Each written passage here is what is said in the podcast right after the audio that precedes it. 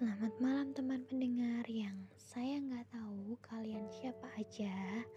Sebenarnya tadi saya sudah take sebuah podcast tapi take-nya kayak hmm, itu bukan saya jadi saya ulang lagi take-nya. Oke, okay. nah pada malam hari ini saya ingin uh, membacakan hmm, tidak membacakan tapi ingin menyampaikan sebuah catatan yang sangat penting sih. Hal ini tentang cara orang-orang atau cara setiap orang dalam menghadapi masalahnya. Kadang kita tuh ada di titik di mana um, udah bener-bener penat sama masalahnya. Udah bener-bener kayak kepala rasanya mau meledak atau juga kayak nggak bisa nih udah nggak bisa dipendam sendiri nih harus cerita nih sama orang. Ada nggak sih yang rasa kayak gitu? Pernah kan pastinya? Dan di waktu-waktu seperti itu kita tuh membutuhkan orang lain untuk bersandar, untuk bercerita, ataupun untuk menyampaikan keluh kesah kita. Itu nggak salah kok, itu wajar. Karena kita itu juga manusia dan kita adalah orang yang memang hidup dengan membutuhkan orang lain karena kita juga makhluk sosial yang perlu bersosialisasi juga dengan orang orang lain. Dan ketika kita bercerita tentang sesuatu hal tersebut, pasti kita memilih seseorang yang patut untuk dipercaya dan kita rasa dia bisa kok menampung masalah kita. Maksudnya menemani kita untuk bercerita. Dan bila kalian atau teman menceritakan masalah hidupnya atau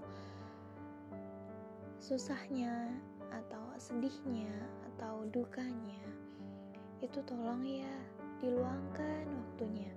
Karena kita nggak pernah tahu loh masalah sebesar apa yang udah ia tampung sendiri dalam waktu yang lama. Dan kita juga nggak pernah tahu sampai kapan dia bisa menampung masalah itu. Iya kalau misalnya dia itu bisa berjuang dengan dirinya sendiri. Iya kalau misalnya dia itu punya banyak orang lain yang support atau mendukung di, di sampingnya. Kalau misalnya nggak ada dan kalau misalnya itu cuman kita satu-satunya yang dia percaya ataupun misalnya dia udah hampir putus asa dan sampai berpikiran ingin mengakhiri hidupnya. Itu kan sebuah hal yang di luar dugaan gitu. Jadi kita sebagai teman yang dianggap oleh dia berharga yang benar-benar dia percaya sama kita, maka jaga kepercayaan itu ya. Jaga. Karena belum tentu belum tentu kita bisa menemani dia sampai akhir hidupnya. Bisa kita yang pergi duluan atau malah dia yang pergi duluan. Dan jangan sampai dia pergi duluan dan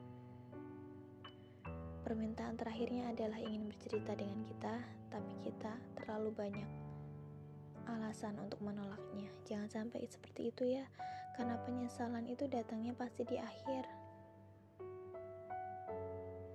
Dan waktu juga gak bisa diulang. Yang bisa membagi waktu ya kita. Jadi, semoga kita bisa bermanfaat bagi orang lain dan kita semoga aja bisa membantu.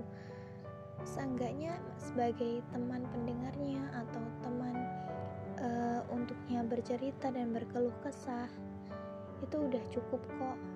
Kita udah cukup jadi pendengar dan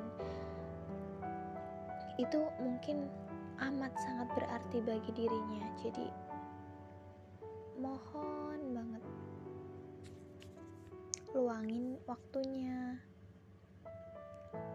Dan jangan dijudge jangan langsung dijudge. Kita nggak tahu alasannya melakukan hal itu atau alasannya dibalik masalah itu atau latar belakang masalah itu dan sebagainya.